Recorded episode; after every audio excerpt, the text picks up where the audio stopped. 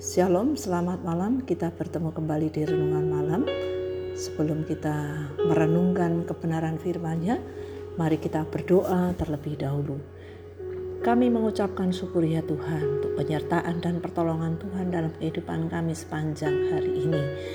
Terima kasih untuk segala sesuatu yang Tuhan nyatakan dalam kehidupan kami.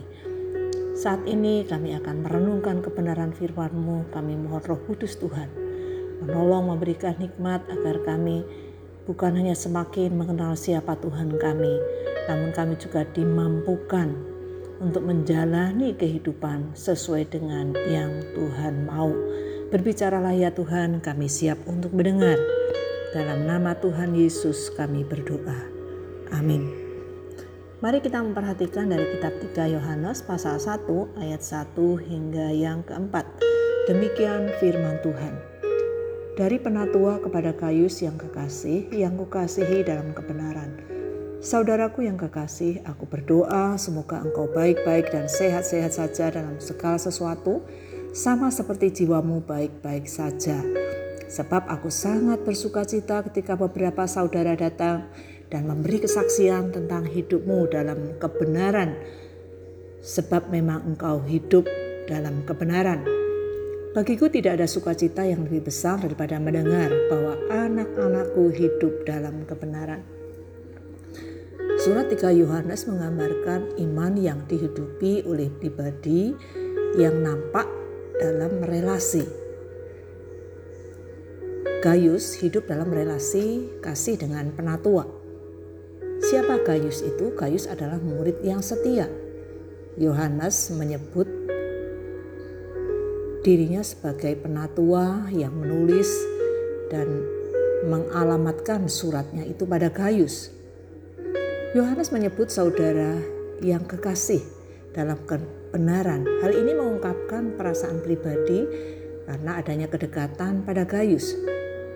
Selanjutnya, eh, Yohanes juga mengakui bahwa ia sangat bersuka cita karena mendengar kesaksian beberapa orang bagaimana Gayus telah menunjukkan hidup dalam kebenaran.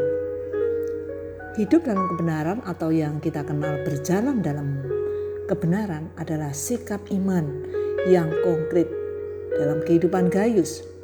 Sikap imannya disaksikan oleh banyak orang dan membawa sukacita bagi penatua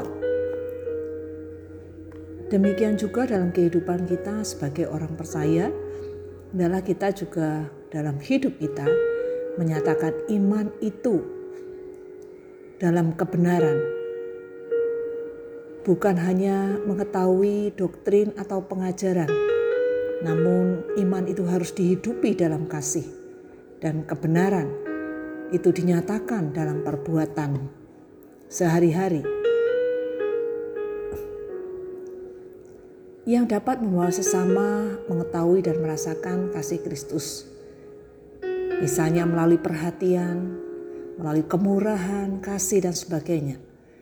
Jika hidup kita sebagai pengikut Kristus memancarkan kasih Kristus, maka orang-orang di sekitar kita akan melihat kesaksian hidup yang benar yang telah dinyatakan dalam keseharian kita.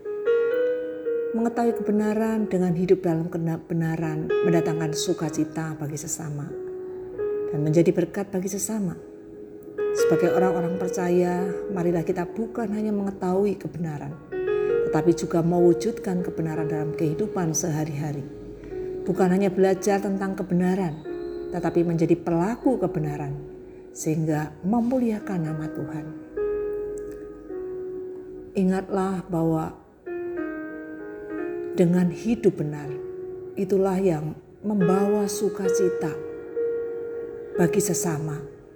Bahkan itulah yang berkenan di hadapan Tuhan.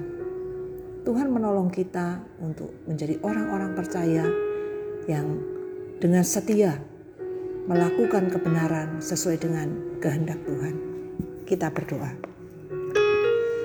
Bapa yang di surga, kami berterima kasih berulang kali firman mengingatkan kami sebagai orang-orang percaya dalam menjalani kehidupan di tengah-tengah dunia ini dengan berbagai macam tantangan yang ada, dengan berbagai macam realita yang ada.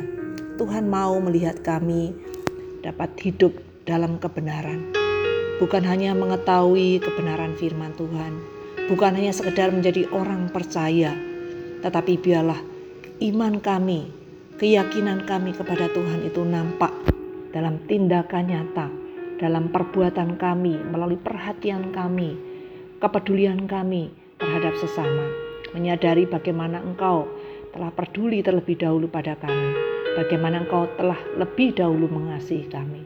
Mari Tuhan menolong kami agar kami bukan hanya diperlengkapi oleh kebenaran firman Tuhan, tapi kami juga mau menjadi anak-anak Tuhan yang taat melakukan kebenaran itu sehingga sekitar kami, orang-orang di sekeliling kami juga boleh merasakan kasih Kristus melalui kehadiran kami. Terpujilah namamu dalam nama Tuhan Yesus kami berdoa.